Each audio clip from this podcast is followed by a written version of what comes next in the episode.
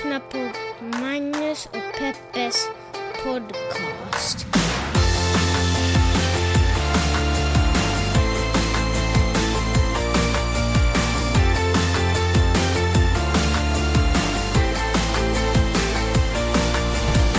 Hallå internet och hjärtligt välkomna. Jag hoppas att ni känner er till den här podcasten. Den här härliga podcasten som heter Magnus och Peppes podcast. Det är en podcast där vi pratar om stora och små händelser i världen. Så gör vi det ur ett journalistiskt, feministiskt och mediegranskande perspektiv. Läget Peppe, vad flinar du så mycket för? För att eh, du alltid blir så glad när vi drar igång den här podden. Nej men jag blir inte glad, men eh, många år på radio har lärt mig att om man ler lite innan så låter man gladare när man... eh, Egentligen är du rasande inom- inombords. Egentligen är jag rasande inombords.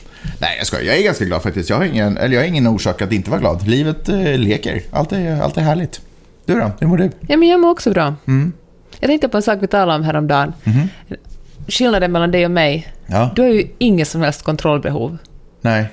Och så, så, så här sa du till mig, här, för du har ju varit, du har varit ute och festat ganska mycket den här helgen. Ja. Du varit ganska full, Magnus. Ja, eh, egentligen inte så mycket den här helgen utan faktiskt bara torsdag, fredag. Ja, Så okej, den här helgen börjar på torsdagen. bara, inte alls varit festad. Ja, strunt samma. Och för jag, är, jag har väldigt svårt för att bara släppa loss och bli full. Jag gillar inte alls det. Men du sa att för det är det en extremsport. Det är som att hoppa bungee. Du bara dricker och så säger du, håller du tummarna för att det ska gå bra. Ja, men, ja, precis. Nej men ja, det är ju lite som att surfa, du kan ju inte kontrollera vågen. Antingen ger man sig upp på den eller så håller man sig på land. Liksom. Herregud, så otroligt obehagligt. Alltså jag, Nej, jag tycker det är grymt, jag tycker det är spännande. ja, jag tänker att jag ska berätta hur det var när du kom hem häromdagen. Det är för alltså, känsligt så- för den här nej, Det är podden. samma historia som det alltid är när jag kommer hem. Vid Jag den tiden. spyr Liksom. och sova på balkongen och liksom... Ja, så är det. Ja, så... Det är ju det, är ju det tråkiga, liksom, eh, det är ju det tråkiga eller kostnaden för, för det som upplevdes under kvällen, så att säga. Ja, jag hoppar tusen gånger hellre bungee och fallskärm och allt sånt än att göra samma fylleresa som du gjorde den här helgen. Ja. Ja, Ja, men på så vis är vi olika. tråkigt, tråkigt för dig, Ja, för så ofta får du inte hoppa bungee jump. nej. Men alltså, det, jag är så, imponerad, för jag önskar verkligen jag hade det där, att jag kunde slappna av lite mer och bara bli så där drängfull. Men Mm. nej. Jag gjorde det en gång 2008. Alltså jag får, när, när jag känner att klockan börjar bli mycket, så här jättemycket. Det är egentligen inte klockan som alltid får mig att vara så här, fan, åh, helvete, jag borde faktiskt dra hem. Eh, men om klockan liksom aldrig gick, så då hade jag ju aldrig kommit hem. liksom, då hade, det finns inte, hur jag mår är inte relevant. Eller om jag är trött eller inte. Det Nej, för liksom, du, du känner så att det kan alltid hända någonting kul. Nej, det är inte, nej, men det är inte FOMO. Utan det är bara... Nej, men jag tycker att det är spännande att se var man hamnar. Och speciellt i den här stan, för här kan man verkligen hamna var som helst. All, det känns som att här finns ju verkligen upp... Jag menar, om jag har... Det har ju också hänt i Helsingfors och Stockholm, det är ju inte det. Men man, var hamnar, alltså man hamnar ju ingenstans egentligen. Nej. Så den kan man ju nästan... Den På större plan typ. Ja, men den, precis. Och efterfest är inte liksom helt plötsligt en industrilokal, eh, liksom I downtown Los Angeles. Nej, exakt. I ett sådär, vad är det här för område, område. Eh, men här kan man ju också hamna på bara värsta klubben bakom ett, eh, liksom man lyfter på kastrull hemma hos någon och så bara shit, är det en ingång till en klubb? och så åker man ner i någon form av Alice i Underlandet. Det är det, det är lite Alice i Ja, jag. Underlandet-viben. Jag var ju i och för sig på Coachella förra Ja, helgen. du ser. Och innan jag åkte var jag lite nervös, för du vet hur jag tycker om att gå och lägga mig halv tio. Ja. Och jag bara, huh. När fick du gå och lägga dig då? Nej men jag ville inte lägga mig. Jag hade så otroligt roligt. Jaha. Det var verkligen så att jag stretade emot. Är det sant? När alla ville gå och lägga sig? Jag vill, ingen ville gå och lägga sig, Nej. men så festivalen tog slut liksom. Och sen var det så Vilken mycket... tid tog den slut då? Nej men det behöver vi inte tala om. Det var inte supersent. Men kanske vid ett liksom. Ah, ja, okej. ja. Och... eh, Men jag var ju typ hemma vid ett första kvällen. Ja, kanske, ja, kanske det var det faktiskt. Men då kände jag verkligen alla var så på det. Vi hade så otroligt roligt. Det var verkligen så, tiden bara rusade iväg. Och, men satt vi oss i bilen för att åka tillbaka till hotellet och då, det blev liksom en, det var varmt och gosigt och liksom mörkt i bilen. Och då på något sätt tappade alla utom en person liksom lusten att festa vidare. Jaha. Och han satt sen mer eller mindre ensam och drack hela natten medan vi andra la oss. Okej. Det var Alltså- du Magnus. Ja, det var jag. jag var med på Skype. Ja, nej men där är vi olika Peppe. Eh, Du älskar ju kontroll, riktning och så. Och jag älskar att bara, vi ser vad, vi ser vad som händer. Jag är I'm up for it. Gud vilken tråkig människa låter som jag skulle vara nu. Varför då? Men alltså, det, ju, det händer ju roliga saker i mitt liv också. Nej, det är ju alltså, inte som att jag måste kontrollera är. Jag är ju ganska liksom sådär... Så länge vi rör oss rätt åt rätt håll är jag ju med på det. Nej, men fast vi alla behövs ju. Alltså, det, för vi skulle inte kunna vara fem stycken jag i den bilen. För då ska vi inte hamna någonstans. Liksom. Vi, det är ju ingen som vet vart vi ska då. Vi ska så komma till Coachella då. Nej, exakt. Eh, Så, så vi behöver ju den här symbiosen där vissa säger att vi drar dit och andra gör att det bara blir jävligt kul när vi kommer dit. Ja, kanske Lite det. så. Kanske det är liksom livet. Ja, men vissa, vissa målar scenariot och andra så här, fyller det. Liksom. Eh, men eh, i den nyktra världen, parallellt Ja. med där jag har levt den senaste tiden, så har ju så är presidentkandidatskampanjerna igång. Alltså, nu sätter igång. Demokraterna radar upp typ rekordmånga. 20 stycken. 20 stycken kandidater. 20 är väl ungefär max vad som ryms på någon slags sån här stor eh, debatt, I Vita stort huset. debattforum. Ja. Jag kan inte bara dela på den liksom. Ja, exakt. Och det som gör det extra kul är ju att alla... För det, nej, det jag skulle säga var, dels är det typ rekordmånga kandidater. Dels så är det en otrolig spridning på dem. Eh, alla tänkbara samhällsekonomiska Nej, de är väl alla, alla är väl rika. Ja, det går ju inte nu. att ställa upp i Nej, men den, där, den här tje- tjejen är väl inte så jävla rik? Eller åtminstone kommer hon inte från så jävla rika... Vilken då? Ja, skitsamma. Whatever. Det stor, stor spridning i alla fall. Lite mer vänster-vänster och lite mer traditionella dem- Mm. demokrater och så. Så det har, det har uppmärksammats på det sättet i alla fall. Och det är ju otroligt kul. Och jag kan verkligen se hur alla vill vara den som slår Donald Trump. Ja. Du vet, du vet, Triumfera liksom. man har, folk här har möjlighet att eh, bli ett legacy. Känner jag. Ja. Men Peppe, vilka är de då, de här kandidaterna som ställer Oj, oj, jag tänkte vi kanske inte ska gå igenom precis allihopa, för det är väldigt många. Okej. Men Men plocka, han plocka en eh, topp femma av de som du tycker verkar Okej, intressanta. Nyaste, den senaste var ju Joe Biden, alltså Obamas vicepresident, som Mm. Ja. sa att han ställer upp. Man är ju misstänkt att han ska ställa upp, och, men han har inte sagt någonting. Och sen för en vecka sedan, då såg man, eller drygt en vecka sedan, då såg man ett filmteam på hans, runt hans Fan, vet hus. du, han borde ha ställt upp förra valet. Ja, det borde han Det, verkligen. jag tror inte att han har... Nej. Det, det var, hans tåg gick lite känner jag. Ja, och det är faktiskt tredje gången han ställer upp. Han har ställt upp Jaha. gånger tidigare, men det har inte gått vägen. Okej. Och tyvärr känns han... Ja, men han har ju haft problem med att han har varit lite för... Han är lite för fysisk med kvinnor. Ja, inte- Alltså han har ju, precis, han har ju fått metoo-släng på sig. Ja, alltså vill jag inte ursäkta honom på något sätt, han, men det tycker jag, alltså han, han säger att han, han liksom ursäktar bort det på ett i- icke-ursäktande Ja. sätt. Typ Han sådär som gubbar är, sån här är jag nu bara. Han säger jag har inte gjort det men förlåt om någon har tagit illa vid sig. Exakt, och det tycker jag det är, liksom, det är dålig stil. Mm. Det är tråkigt, man har ju alltid tyckt att han är en ga- ganska gullig, glassätande gubbe som skrattar med Obama, så han har Mm. liksom byggt upp en ganska bra bild av sig själv. Men nu när han ställer upp så känner jag, nej, är inte illa gott tyvärr, Ja. Joe Biden. Det, Jag så känner är också det bara. det. Det är svårt för honom att också rida på sina glansdagar med Obama. Och Obama har inte ens endorsat honom. Jaha, vem har Obama Och endorsat? Joe Biden har sagt, ingen, ingen alls ännu, Nej. Joe Biden har sagt så här att eh, jag har bett Obama att inte endorsa mig. Varför då? Man bara, But, but why? ja, det är ju en jättekonstig sak att säga. Det är sånt som man säger liksom, ja, Ja, när säger man något sånt? aldrig. När faktiskt. Obama inte vill endorsa en. Kanske, ja. Ja. Den som eh, drar mest folk är ju såklart, vem tror du? Eh, eh, Bernie Sanders. Ja, såklart. Han har ju samlat ihop otroligt mycket pengar. Och Ja. han kör ju på samla, samma uh, Det är också tredje gången för honom. Ja, det vet jag faktiskt inte. Det, andra tredje, det vet jag faktiskt inte. Han har samlat ihop otroligt mycket pengar, han drar jättemycket folk, han drar både kvinnor och män och han har i och för sig också haft, eh, i sin senaste kampanj så var det någon som jobbar, någon som jobbar i hans äh, kampanjmaskineri som blev anklagad för, liksom metoo-anklagad för att tafsa på kvinnor. Men det måste ju vara hopplöst att inte... Ja, men det måste vara ett så stort maskineri. Ja. Det är liksom, det kan jag tänka att det kanske inte... Men så länge- vi kan inte handlar- anklaga honom direkt för det. Men det handlar inte om att folk gör misstag eller att obehagliga saker händer. Det handlar ju om hur reagerar de personerna som är i ansvarsposition. Precis. Vad kan man göra åt det här? Och eh, ja, men det ser, bra, det ser bra ut eh, för honom. Det enda som talar negativt för honom är att han är... Jag hatar att vara ålder, en åldersdiskriminerande person. Men att han kanske inte överlever till Nej, men han är president. 77, så det kan ju bli hardcore att ställa upp åtminstone två omgångar. 77 men, som skulle vara typ 81 då sen är det över. Ja, ja, ja, det har väl funnits diktatorer ute i det världen som har folk- vägrat lämna sin post i Sant, den men det åldern. finns ju folk, alltså i västvärlden så är väl medelåldern, eller liksom vår livslängd, är väl typ det. Mm. Ja, strunt samma, men alltså man gillar ju hans politik. Mm. Ändå skulle det vara lite fräschare med någon som inte är en vit gubbe. Ja, Därför, närmare 100. Ja. Nej, men precis. Därför så kanske Kamala Harris var det någon... Harris? Kamala Harris. Ja, gud, så Kamala finska Harris. Du vet ju att Kamala betyder ju hemsk på finska. Hon är ju eh, 54 år gammal, hon är senator och hon är åklagare. Hon spelar väldigt mycket på det här att hon är... Hon kan rätt Hon och kan, fel. ja, men hon kan rätt och fel och hon är bra för att argumentera för sin sak. Och hon gick ju ganska hårt åt eh, Men vad hette han, den här uh, metoo, han är gubben som blev... Weinstein. nej, utan som blev, kom till satt i högsta domstolen. Som Ja, eh. Trumps, eh, Ja. som då hade det här, eh, som då en annan kvinna ankla- anklagade honom för att ha våldtagit henne Ja. för när de gick på college. Tänk att jag inte kommer ihåg. Nej, jag kommer inte ihåg, men det var så mycket Ja, men hon, hon gick hårt åt honom där. Han tycker om att dricka öl med sina kompisar. Ja, och det var mycket I like beer. Det var liksom hans argument. Ja, precis. Det är väl inget brott att gilla öl. Nej. Man bara, nej men att våldta kvinnor. hon, hon, är en, eh, ja, men hon är en stark kvinnlig kandidat. Jag hoppas att hon kommer vidare. Hon är den här andra äldre kvinnan som, eh, Elizabeth Warren. som har varit med i många, några Mm. varv också och som är den enda typ som vill eh, impeacha Trump. Mm.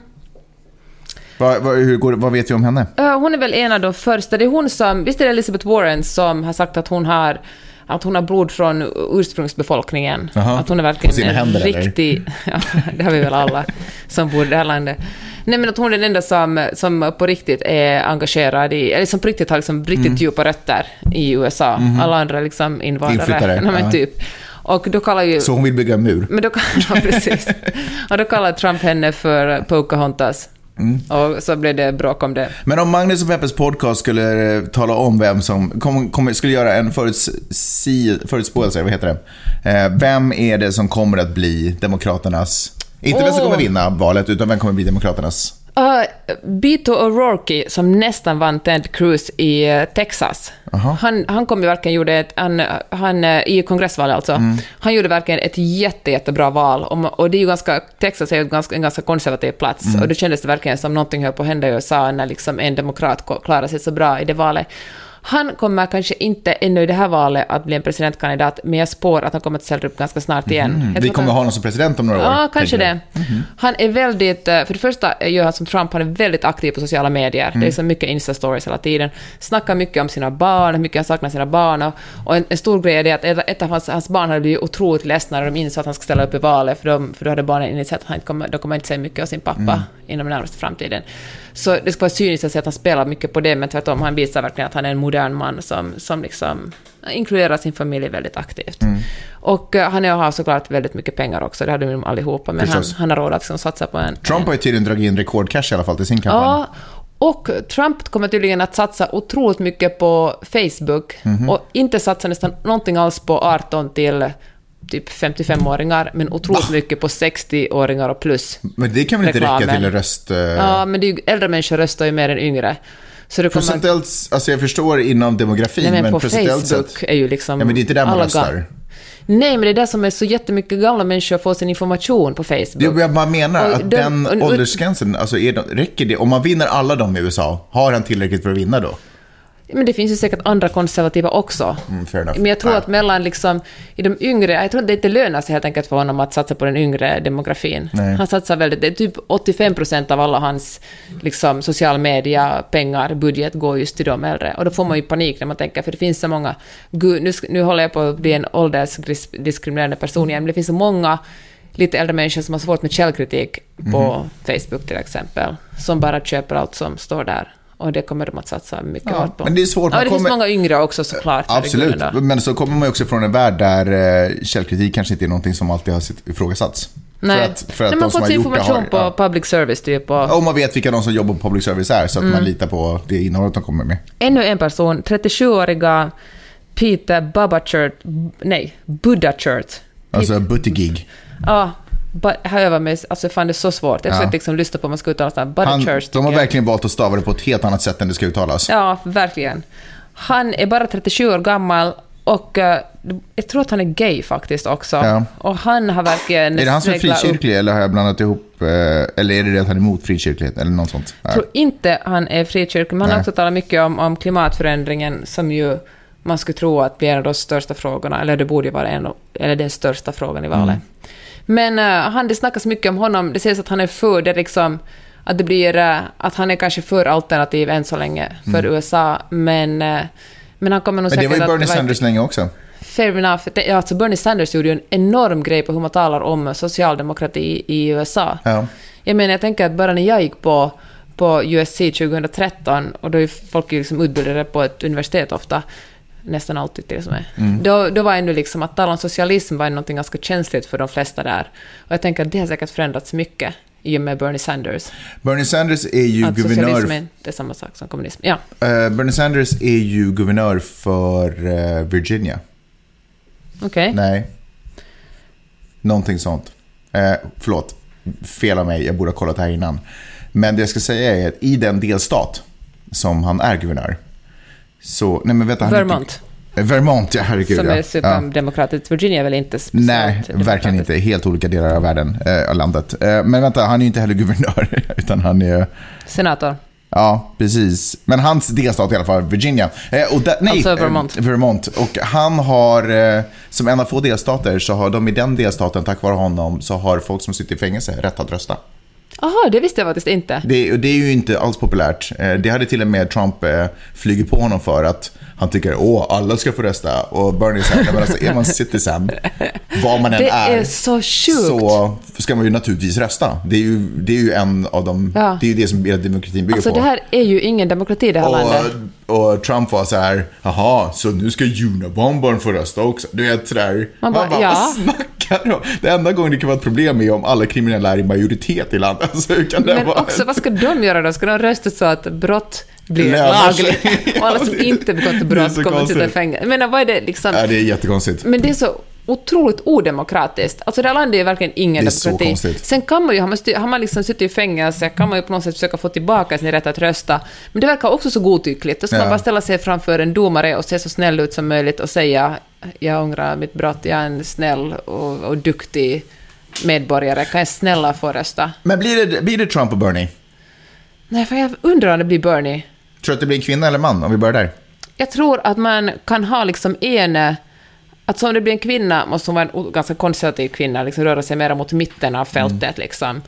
Joe Biden till exempel, han är ju liksom väldigt... eh, Han är ju mer mot mitten, alltså han är ju ingen kvinna heller. Men Också han är sant. ju... Han, men jag tänker att om man är liksom...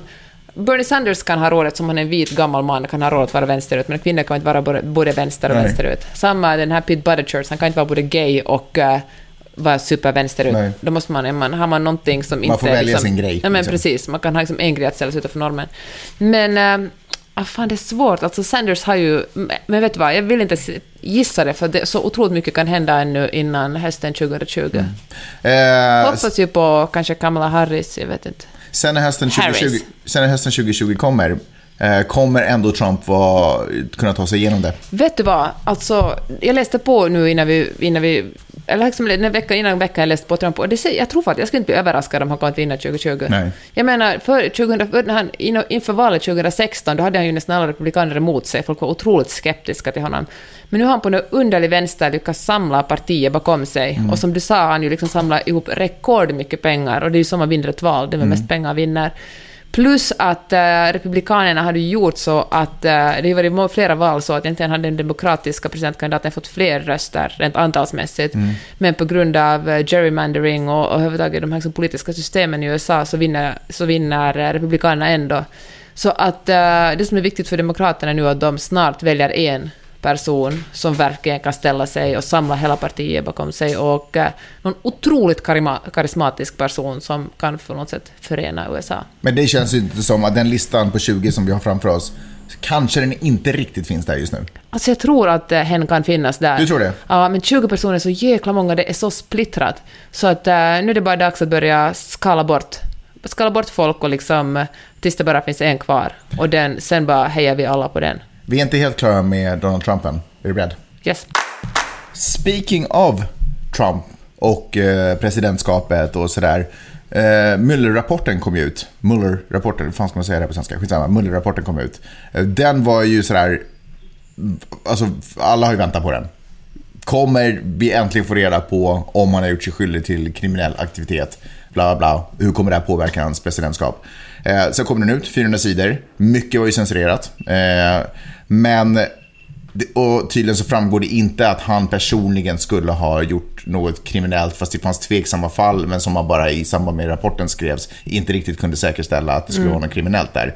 Men det här har ju Republikanerna och Fox News och Donald Trump tagit som att jag är oskyldig, boom, eller rätt, han är oskyldig, eh, allt är cool. Samtidigt som Demokraterna ändå är sådär, "Nu- det här bevisar att vi borde impeacha honom.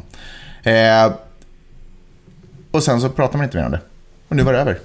Eller hur? Nej, jag tror Demokraterna kommer att ta upp det här mycket fortfarande.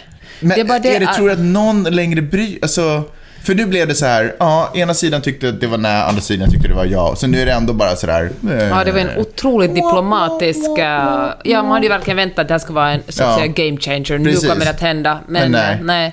Så inte ens 400 sidor rapport från, du vet... Men vet du vad, jag hörde en analys på det här, nu minns jag inte vilken podd eller men läste det någonstans, var att eh, eftersom det är ganska få grejer som var nya som kom ut i den här eh, rapporten, Mm. Men om allt, om medierna inte ska ha snokat reda på det här, för nu har det liksom allt absurt som Donald Trump har gjort under åren, Mm. har ju liksom kommit i små portioner, så man har knappt åter, hunnit återhämta sig från en sak innan nästa ploppar fram. Mm. Så det är som att tydligen nu när han, han har sina rallies där han förbereder sig själv inför valet, då säger han att Demokraterna vill mörda spädbarn.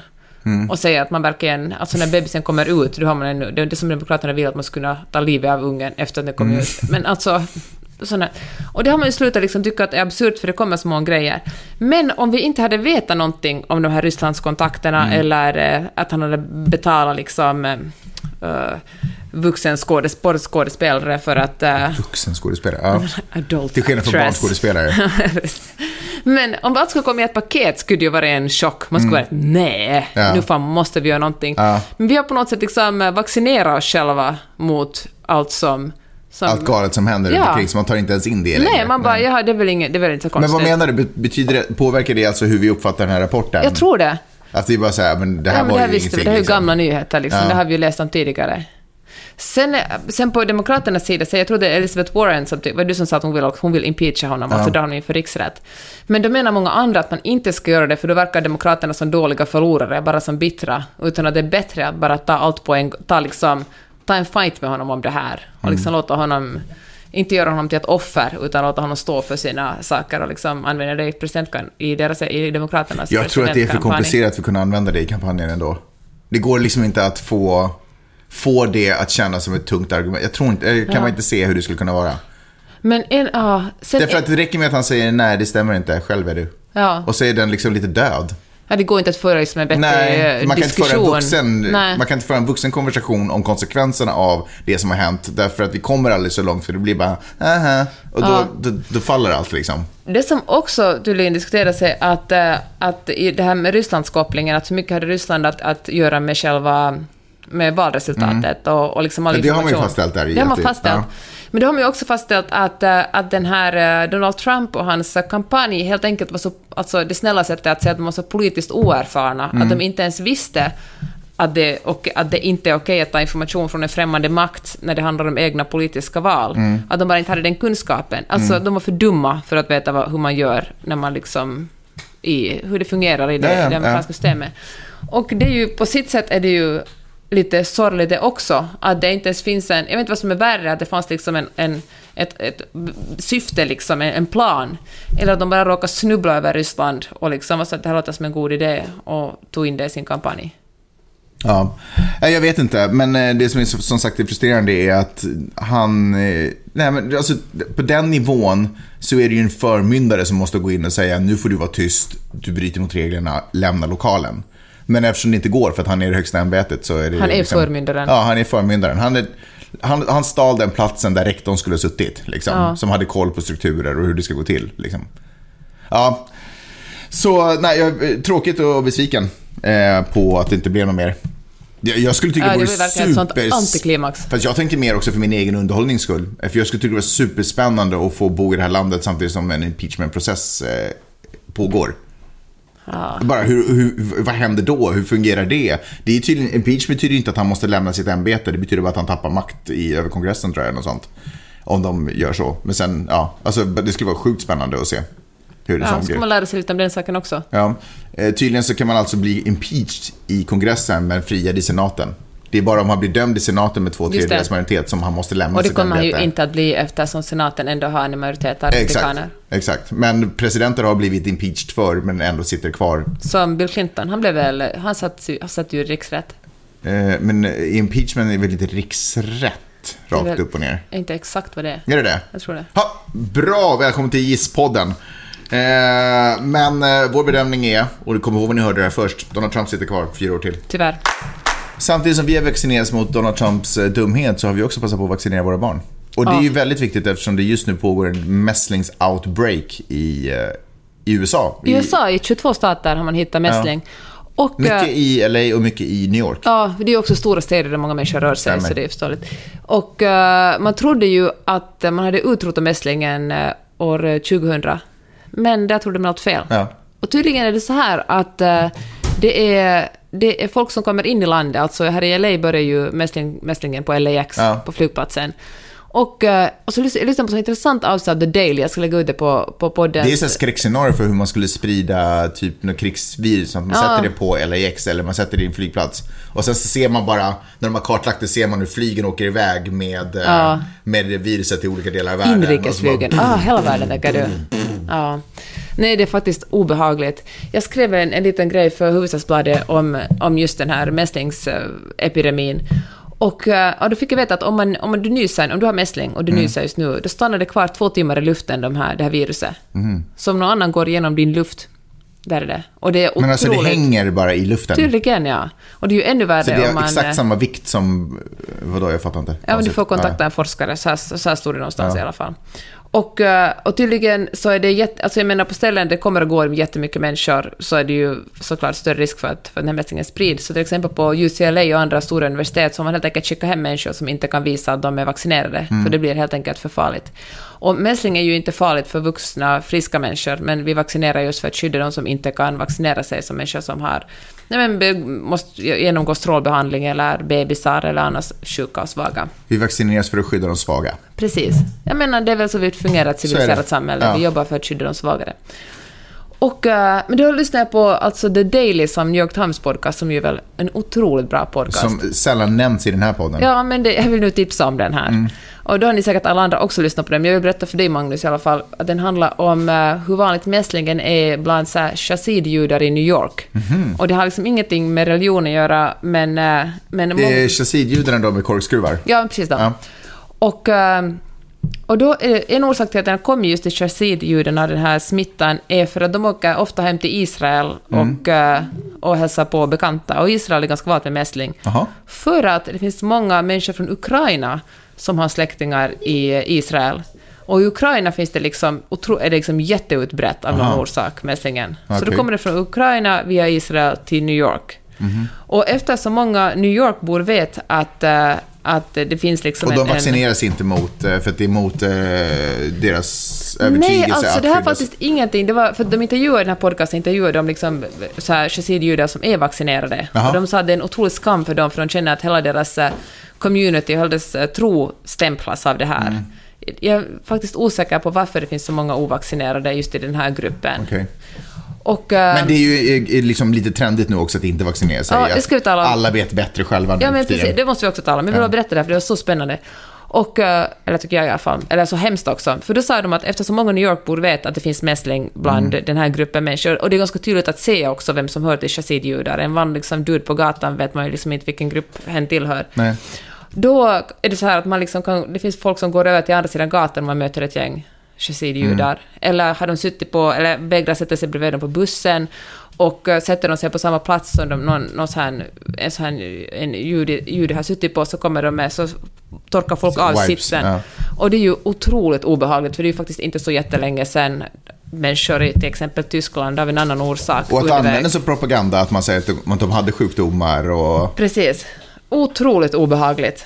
Och eh, en orsak till att det sprids så mycket det här, liksom det här sammanhanget är också det att, det- att det är väldigt en, vad säger man, communal på, på gud nu blir jag en sån eh, finlandssvensk som inte kan tala, vad heter det, alltså man, man ber, när man ber tillsammans, det är alltid minst sex personer, och man liksom umgås ofta väldigt många tillsammans, det är ingen individuell Nej. grupp människor det här, Hobby. utan, ja men precis, som vi kallar religioner, hobby. Nej men, så det är därför som den också sprids väldigt snabbt, eftersom den är så otroligt eh, smittsam. Men här i LA är det ju också tråkigt nog en smitta som sprids väldigt mycket för att folk inte vaccinerar sina barn. Och tydligen är det väldigt vanligt i så här förmögnare områden. Bland annat här vi bor i Santa Monica är det många som inte vaccinerar. Detsamma gäller Beverly Hills, Bel Air, många ställen i Hollywood, Brentwood. Vilket är konstigt för jag tycker ändå att eh, skolan, fast nu pratar vi kanske bland vuxna, men jag tycker ändå att skolorna lite kräver att man ska vaccinera sina barn. Ja, vissa skolor har sådär absolut eh, stopp, medan andra kan man komma igenom om man kommer liksom, det är något som de fick igenom tydligen på, 90, på, någon på 90-talet, att man kan ha liksom en personlig övertygelse som gör att man inte behöver vaccinera sitt barn. Och kommer man en sån lapp till skolan, till vissa skolor, jag tror det är åtminstone med de allmänna skolorna, kommunala skolorna här, så, så det behöver, då är det okej. Men, eh, men en teori som jag, som jag verkligen, det här är bara en teori som jag läste någonstans, är att eh, många som tillhör liksom lite den här Gwyneth Paltrows Goop-sekt, liksom, som, hon säljer ju nästan vad som helst som är mer eller mindre övertygande. Hon har ju någon slags här vaginal rengöring, man kan ge en, en ansikt, en facial åt sin vagina. Nej, bara generellt, bara. ja, kanske också en mässling. Men att... Och Alltså en LA vaginal steaming eh, ja, eller? ja, ja, men du visste det. Ja. Ja, men herregud, det har man ju testat. Ja. Och, eh, och då är teorin den Fast då liksom... heter det anal, för, för män är det anal steaming. Ja, keep talking. Hur kändes det Nej, då? men jag bara säger att det är så det är. Ja. I alla Som fall... ett eh, ångbastu för könet. Ja. Eller Fast hålen. ditt anal är väl Ja. inte ditt kön eller Stämmer i och för sig. din anal. I alla fall, vi tar diskussionen från din anal till något annat. Typiskt. Folk är så otroligt, folk är så besatta av hälsa i LA. Ja. Man går dit och lägger sig, sticker dit upp, jumpar och springer och dricker olika jo- Shottar, ja. och shottar av, som inte är alkoholiskt, Nej. utan ingefära shottar och har sig. Och då har någon någon gång kommit på att det är onaturligt att, att vaccinera sig. Att Mm. det är någonting, det har ju liksom, att, ja, att man, man injicerar ju sig med lite sjukdom liksom. Och det vill man inte utsätta sina barn för, eller sig själva för. Mm. Till deras försvar så kan jag ändå tycka att eh, den medicinska branschen här har fått löpa helt amok eh, och ägnar sig ju mer åt att dra in cash än att de faktiskt skulle försöka ha ambitionen att hjälpa människor.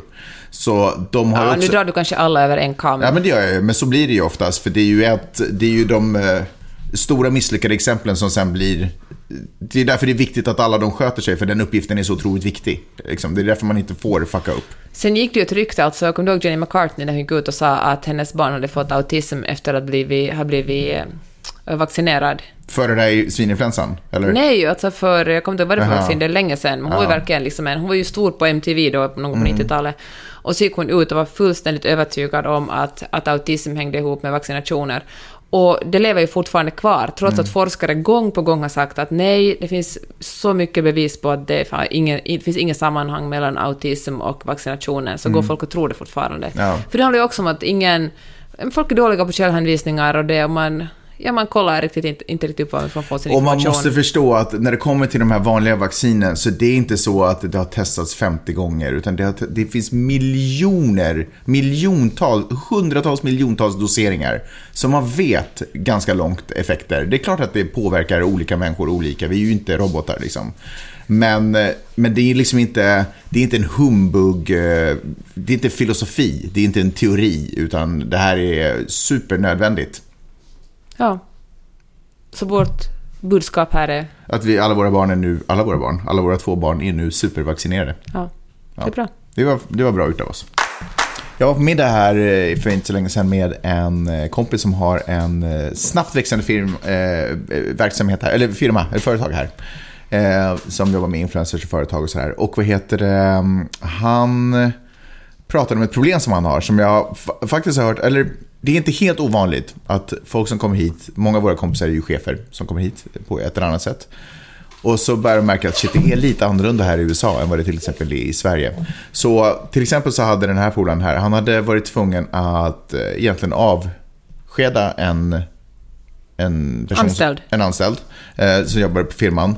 För att eh, personen bara helt enkelt inte riktigt tog egna init- alltså, initiativ helt enkelt.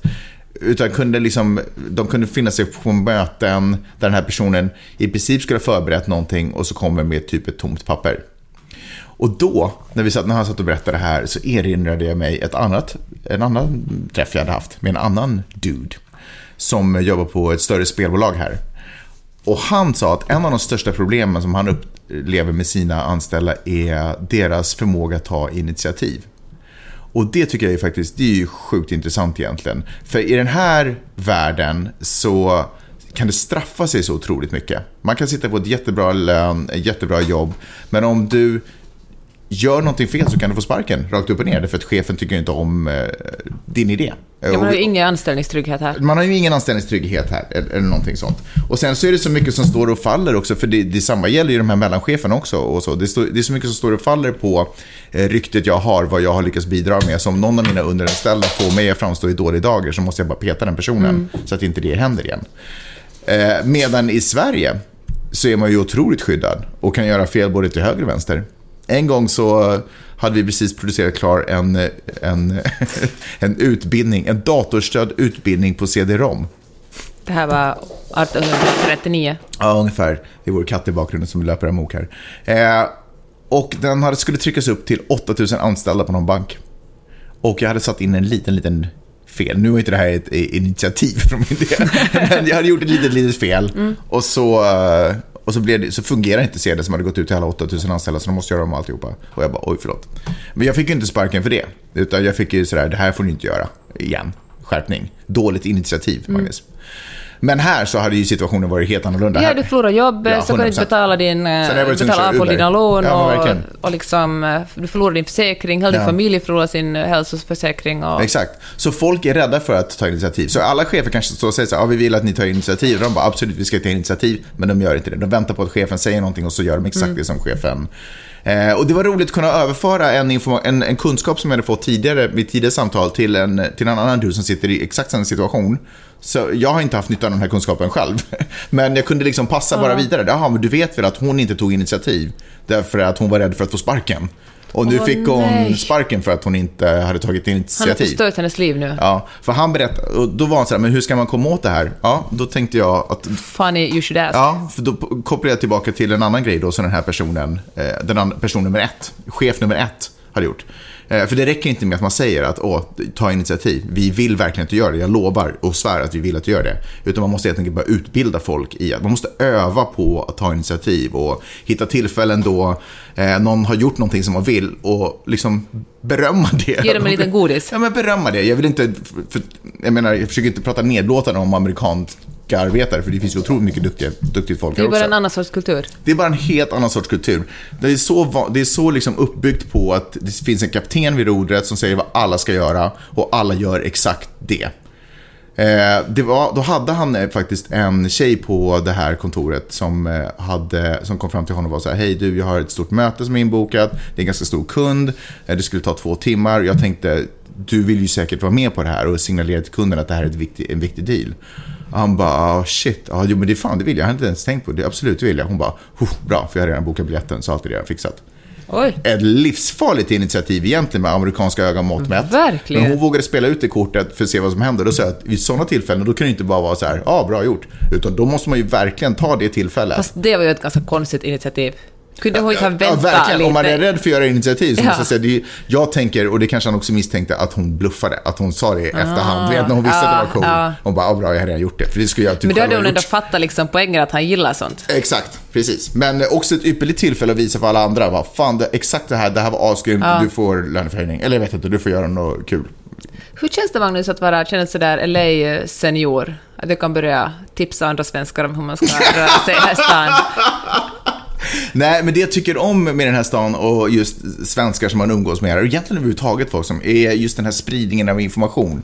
Hur folk är bjussiga med att berätta vad de har lärt sig, hur de ser på saker och ting. Jag kommer ihåg vår kompis Joel, när han kom hit, han tyckte också det var helt superstörigt med personal, liksom hur och speciellt när det kanske till exempel kommer med uppsägningar. Man vill vara schysst, man vill behandla folk väl. Bara, vi kanske kan ordna någonting. Och det kan man bara inte vara. Man måste vara hård, du har fuckat upp, dra. Liksom. För att annars så får man en stämning på halsen. Liksom.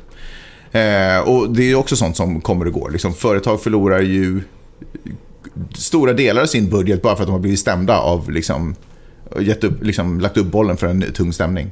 Nej, men jag, tycker det är, jag tycker det är sjukt spännande. Jag tycker det är så jävla kul just med den här hur folk hjälper varandra och peppar varandra och stödjer varandra. Och lite kul att kunna vara den som berättar hur det är. Jag kan erkänna, en av mina bästa stunder i livet, alltså i klass med när barnen föddes Ja. och när du och jag träffades, är när jag suttit i en Uber på väg hem någonstans på stan och kunna säga sådär... Är det här din Coachella-historia nu igen? Nej, inte alls. Bara så random. Och så kommer Ja. man säga, nej, om jag skojar, du ska jag ta Wilshire och sen San Vicente. Du är en ganska liten människa, på Ja. andra sidan. Har, det är länge sedan jag såg en uppdatering hos aningslösa influencers. Följer du dem? nej, inte längre. Det slog mig nämligen en grej. Jag läste en artikel om hur klädindustrin eh, släpper ut mer växthusgaser än flyget. Mhm. Och eh, det fattar man ju och för sig. Det går ju åt en massa vatten och transport och det enda andra producerar kläder. Och då stod det mig två Och så saker. använder de sig säkert av flyget också. Ja, men precis. Transporter till exempel. Då. Ja. Och, eh, men då slog det mig att det nästa, nästa man kommer att diskutera om, alltså det gör man ju redan, men mer sådär eh, aktivt, också bland influencers, är du vet, du vet, ja, du vet, du jobbar ju med tusen influencers, så de alla har sina egna klädkollektioner. Hur de inte kanske liksom gör sina egna, men de går in i ett brand och säger att det här är designet av den här influencern. Och så köper alla den här influencerns följare det. Det måste ju ta ett slut. Det Varför då? känns ju... Nej men för det är ju otroligt snuskigt att bara sälja mer och mer och mer grejer. Fast den är ju svårare att... Eh, det är mycket lättare att se att någon har varit på Bali och vara sådär, ja, för det finns bara ett sätt att komma till Bali på. Det är ju mycket enklare att se den, förstår du vad jag menar? Det är ju mycket svårare Ja, att dyka ner på tänk- någons kläder. eller- Ja, men jag, är det verkligen det? Jag tänker att det är det. Jag tänker att det börjar, nej men jag tänker att de här samarbeten, För designsamarbetena alla som... behöver ju kläder och alla kläder är ju inte dåliga. Men alla kläder finns ju redan. Jo, det är ju vet, det men- som är grejen. Vi behöver ju inte ett, ett enda nytt plagg. Ja, du menar att de skapar ett nytt klädmärke så de bidrar till ännu Ja, mer? en ny kollektion. jag förstår. Jag Jag, jag tror att du det- menar att de kläder de visar upp själva. Liksom. Nej, nej, jag menar det precis Ja. det de säljer. De säger, för det kommer ju hela tiden så här, nu gör den och den ett samarbete med det och det. Och eh, köp den här kollektionen. Jag tänker att det kommer att ta slut. Jag tror att det är liksom typ sista året vi håller på med sånt. Får jag fråga en sak? Kommer det någonsin komma ett tak på hur mycket vi vill, alltså du vet när vi är sådär, vet du vad? Nu står det mot det här och miljön. Jag säger kanske ändå fuck miljön här. Kommer det någonsin komma det taket? När vi liksom, eh, ja, när man inte får göra några mer roliga saker. Men det så håller ju folk på hela tiden. Eller vad menar du? Nej men du vet när liksom, eh, ja nu gick du för långt. Nu säger du att jag inte får göra det här. Det är... Du och jag liksom. Nej, jag menar till aningslösa influencers, om de kommer gå på en ny grej, eller förstår du vad jag menar? Eller något annat konto som går på en ny grej. Kommer det någonsin komma ett, ett, liksom en motreaktion på, vet du vad, nu gick ni faktiskt för långt. Fast det gör ju det hela tiden. Tänk så mycket hat att Greta Thunberg får till exempel. Folk är ju alldeles rasande över att det finns en 16-åring som tycker att vi ska sluta flyga och, och ta på Har allvar. hon fått hat? Det har hon väl inte fått? Men alltså hon får ju så otroligt mycket hat. Va? Hon är sådär... Hon blir hyllad Johan överallt. Har, ja, Till och med Obama hyllar henne. Typ. men alltså i Sverige får hon gigantiskt med hat. Okej, Jimmy Va? Åkesson kanske man ska ta på allvar. Nej, men. Men, men en massa, massa vita medelålders män och Johan Hakelius Ja, skrev ju nyligen att, att man, får, man får inte kritisera henne. Det är också istället för att man får ju kritisera hur mycket som helst om man kan Mm. göra det sakligt och ha några argument att komma med. Men, hon får ju, men det är ju kanske också ett tecken på att man är, har kommit någonstans i när Ja, folk reagerar eller blir, börjar hata på en. Men ehm, vad menar du, finns det någon när man ser... Men alltså visst har ju aningslösa influencers också blivit otroligt kritiserade. Jo, fast jag menar inte liksom kritisera det från de som har blivit påhoppade eller upplever sig ha blivit påhoppade, utan jag menar bara när sådär... Nej, jag vet inte. Jag, jag, ja, nej, kanske inte. Jag vet inte. Skitsamma. Ja, jag tror att folk alltid kommer att protestera för att de, om de tycker att någon begränsar deras rätt att ha roligt. Jag menar, folk blir ju... Jag såg någon, eh, jag såg någon, någon, någon österbott, förlåt, österbottning, det är inte något fel på det, alltså det finns otroligt mycket smarta österbottningar, men det var ju någon från någon håla, och nu säger jag inte att Österbotten är en håla, men gud vad jag talar mig. Ja, ja, det här är ju superspännande. det var någon Jag är glad att du kom snubbe... bort ifrån vad jag sa till man kan fokusera på Österbottningar. Varsågod älskling, det här är min bröllopsgåva till dig. Nej, men det var i alla fall någon som var sådär, någon som skojade någonting om att vara vegan. Jag vet inte om någon hade tagit över den här personens Facebook-konto eller något sånt, där det skrev att hej, jag har blivit vegan, kan jag få liksom veganska tips? Och sen var nyfikenhet och mest dumhet klickade jag på kommentarsfältet där folk alla tyckte att det var så absurt att vara vegan, att lämna bort kött. För kött är ju gott.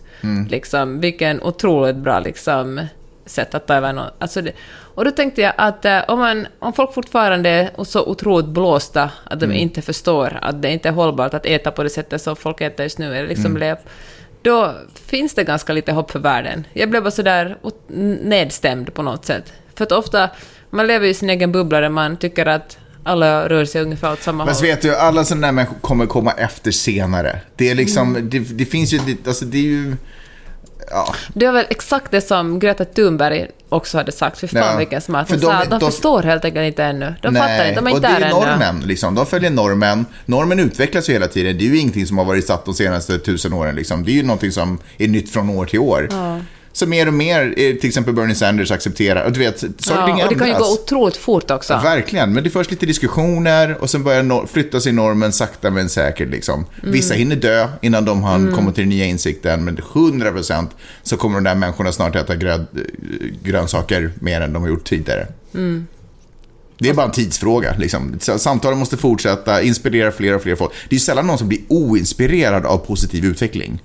Nej, men förstår vad jag Ja, fast Nej, folk, men- ju, folk hatar ju förändring. Jo, jag Alltså, Första reaktionen är sådär, förändring, det måste vara dumt. Jag tänker inte förändra Jo, mig. men förstår du vad jag menar? Jag men, jo, men precis, men det där är ju den trögheten jag pratar om. Men jag bara menar att det är ju aldrig så att någon har varit vegan och bara The fuck, det här känns ju inte okej, jag börjar äta kött. Alltså det är ju alltid åt det positiva man ändrar. Det är ju alltid någon som slutar. Det fylls ju inte på åt andra hållet. Mm, nej, nej, kanske Det är inte. de, de andra hållet protesterar genom att äta mer kanske. Eller, du vet, eller, eller industrin blir desperat och försöker pumpa ut det till åt ännu fler håll. Men folk som har gått över går ju sällan tillbaka. Mm. Nej, jag. det kan jag köpa. Ja, Den Så därför så jag blir köpa. ju den positiva utvecklingen blir ju alltid... Det blir ju alltid så. Det är ju som stigar, alltså man kan ju plantera hur mycket vägar som... Plantera vägar? Man kan ju bygga hur mycket vägar som helst, men folk kommer korsa. Alltså man tar den bättre vägen. Men det kanske är genvägar ibland senvägar, Magnus. ja, det stämmer Peppe, det stämmer. Alltså, förlåt, jag måste bara avrunda. För med, med det sagt, så det är därför jag har otroligt hopp om. Alltså det, det kommer alltid bli bra, det är bara en tidsfråga. Problemet är att när man... Upp... Magnus, be the change. Vad sa du? Be the change. Be the change. Ja, men problemet är när man märker att någonting är tokigt, är att då blir man ju rädd och stressad och, måste, och känner att det här måste gå fortare. Och så, Mm. så håller folk på och tjafsar emot. Man bara, nej men nej, vi har inte tid. Nej men vad gör ni? Nu förstör ni. Det är lugnt. Man säger och man gör och man bara för diskussioner, undviker bullshit och sen så förr eller senare kommer de också. Alla vill vara som alla andra ändå. Så när tillräckligt många faller över på ena sidan, då, drar hela, då kommer ju resten bara... Då blir det lagar och grejer. Du vet, då sker allting plötsligt över en natt. Tänker jag.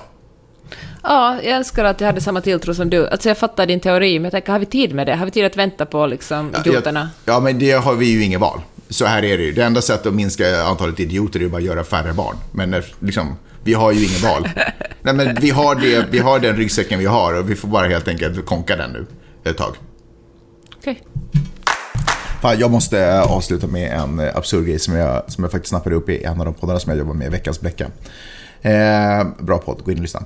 Eh, och det är ju att det gjordes något test på något universitet där man väckte en, en död hjärna till liv. Nu låter det som att man väckte den till liv, men det gjorde man inte. Men man kunde få vissa delar i hjärnan att reagera och börja arbeta igen. Liksom. Först sköljde man igenom det. Alltså det, det okay, så man gick till ett slakteri och så tog man ett gäng grishjärnor från grisar som hade varit döda i timmar. F- Fyra timmar. Och så tog man till kontoret och så började man skölja igenom dem med någon form av substans. Och sen så började man göra grejer som gjorde att började registreras i olika delar på den här hjärnan. Eh, alltså skräckblandad förtjusning tar jag emot den här nyheten med. Jag tycker det är vidrigt, eh, läskigt, för tänk om jag själv är den hjärnan. Det kan ju inte jag veta. Liksom. jag vet inte vilka impulser. Alltså, det gör att saker och ting blir väldigt osäkert. För att jag, är liksom, jag, jag kommer från den generationen där som säger att om hjärnan är död, då är det liksom över. Hjärnan skapar ju allt som jag upplever. Jag kan ju inte, jag kan ju inte svära på med 100% säkerhet att jag sitter här och pratar med dig. Det kan ju också vara ett spel i min hjärna. Ändå ganska bra. Bra spel, 100%. Men jag bara menar att allting jag upplever är Men där. hördu, skrev inte P.C. Jersild en roman om det här? Om en hund och en hjärna i ett laboratorium som kommunicerar med varandra? Eh, Jag har inte läst den, men säkert. Det har gjorts filmer, alltså det är inte ett ovanligt tema. Men skillnaden är att det en gång var en bok och en annan, ett annat tillfälle var en film. Är att nu är det liksom nyhet. Och det tycker jag känns, eh, jag tyckte det känns, du, du är likgiltig inför Nej, men det jag här. hade också, jag har läst den här, jag har liksom bearbetat det här inom mig. Jaha, den här, den här skräcken Ja. liksom. Det är ju, det som jag kommer att tänka på... Tänk om det var så här jag fick reda på att jag egentligen är en grishjärna. Ja, det är så det är, Magnus. Tänk om det är liksom Ja, du är en min vetenskapsgud som nu spelar mig ett spratt. Men vad skönt om du ändå kan vara liksom en hjärna som tror att du har liv. en kropp. Och tror att jag är en människa och Ja, har ett liv. precis. Alltså det går ju otroligt bra för dig, lilla grishjärna. Nej, men jag tycker faktiskt att, jag tycker det är sjukt fascinerande att man kan göra det här. Men tänk att, För- men tänk att vara det är som, jag får ju så här sömnparalys ibland. Jaha. Du vet när man, hjärnan vaknar men inte kroppen. Ja. Det är ju så det måste kännas för en grishjärnan. Nej, det, ja, jag vet. Eller liksom, när den, om, Om de får igång hela maskineriet Ja. liksom. Att den plötsligt bara blir en gris igen i huvudet. Ja, och den bara, eh, hallå, Ja. är det någon där? Förutom att den kan inte säga hallå, den kan bara tänka hallå. Exakt. Så det enda man är, är en tanke. Ja, Det, nu blir det för mycket och för dig, Magnus. när man inte, när Descartes sa ju, jag tänker alltså är jag. Men, ja, och det, är ju, det blir ju jävligt riktigt då. Fast om man kan mäta de där, eh, liksom, vad kallar man det som händer i hjärnan? Eh, Hjärntrådarna som impulserna. Då kanske man kan mäta det där hejet. Ja, ja Vet du du. vet, och så ser man det utskrivet på någon form av Hej. datorskärm. Hej. Verkligen. eh, Och, och, allt, och speciellt i så här 80-tals typsnitt. Ja, 80-tals det grönt. Ja, det Grönt och svart, Det liksom. poppar inte upp i, liksom, på en Teslas skärm i en snygg font. Typ. Det är inte Times New Roman. Jaha, det kanske inte är en snygg font. Nej, men, eh, för, men det, det som också blir problematiskt för mig är att då blir det ju, för, som, som jag sa, generation hjärndöd finns inte alltså. Eh, till och med hjärtat kan slå, det är bara en, en apparatur Mm. styrd av hjärnan egentligen. Men, eller reflexer, vad fan det är, skitsamma. Men, men nu blir det ju som att man kan stänga ner den och sen kan man sätta på den igen. Och det betyder, då är ju jag, då är mitt medvetande bara on hold. Det är ju inte borta. Det är ju alltid där inne, liksom. Det enda anledningen till att, alltså, då är det ju bara förmultning som tar livet av folk. Liksom när du inte, inte komponenterna finns mer. Men om man kan börja väcka saker till liv som teoretiskt sett inte borde finnas. Då blir det liksom en Stephen King-roman. Ja, men då, då finns jag ju också på något sätt i ett space. Då, då är det ju, alltså det, det här, det är inte du menar okej. döden existerar inte längre? Nej, men då blir, då är, det kan den ju inte göra. Då har man ju förintat döden om man kan väcka hjärnan till liv igen. Då är ju döden borta. Hello. Hello. Det här skulle kunna bli en TV-serie. Ja, jag, är, jag är livrädd i alla fall. Vad är Eh, du rädd för då? nej men, för, för nu, då blir så... Ja, för då har inte jag kontroll längre. Eftersom hjärnan är det som skapar... När du är död vill du vara död liksom? Ja, och hjärnan är det som skapar eh, hur jag uppfattar känslor. Jag menar, det finns ju folk som har åkommor som gör att de kan ha handen på plattan och så känner de inte av det därför att signalerna går inte fram. Så hjärnan kontrollerar ju allt, alla mina intryck, allting jag känner, allting jag ser, allting jag upplever.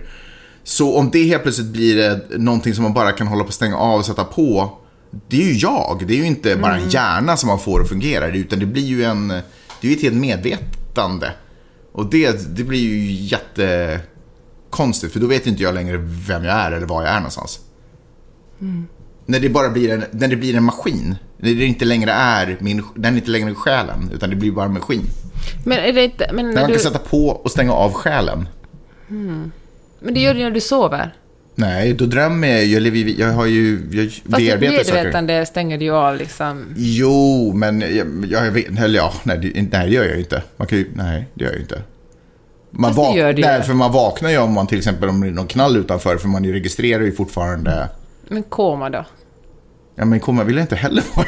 Det är liksom inte ett bättre alternativ för mig. Det vill jag verkligen inte vara. Men framförallt så vill jag inte att någon fuckar med min existens.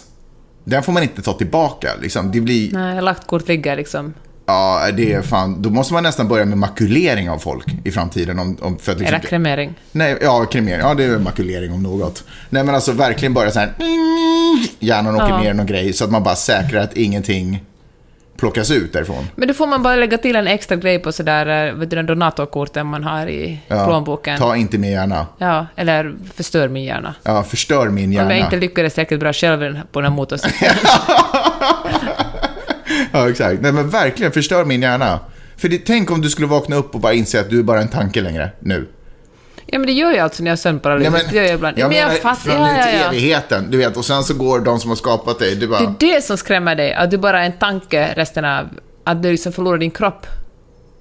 Och alla intryck och alla syn. Det enda man är, man är bara fast med minnen och tankar. Mm. Ja, du är liksom fånge i din egen hjärna. Precis. Då på någon jag. annans, i, någon, Ah, i någon annans kontroll. nu förstår jag. Att det bara, ah. du vet, jag kan vara sådär omgiven av en familj, jag är 85 bast, allt är skönt. Alla tycker fortfarande om mig, jag får somna in och säga kanske hej då, eller du vet hur det nu kan gå till. Och sen så är- var det härligt. Och sen bara... bzz, bzz, bzz. Hej! Ja, var tillbaka. Vad händer? Fast, ja, Vad händer nu? fast det hör du bara dig själv. Vad är det? Mm, vad går det? Är det konstigt? Hallå? Hallå? Är gärna Du vet den grejen? Ja, jag fattar. Ah, ja, det förstår jag. Alltså det är klaustrofobin kring det liksom. Vidrigt. Ja. Vidrigt säger jag. Och att man någon, alltså att livet, att döden upphör. Att någon annan tar kontroll över det. Mm. I vetenskapligt syfte eller någonting. Nej. Sug på den, god vänner. Eh, Det är bra att avsluta med den här icke-existerande döden. Ja. Hörni, tack för att ni lyssnar. Tack för att ni har tålamod med den här lilla podden som heter Magnus och Peppers podcast. Ta hand om er, vi hörs snart igen. Hej då! Hej då!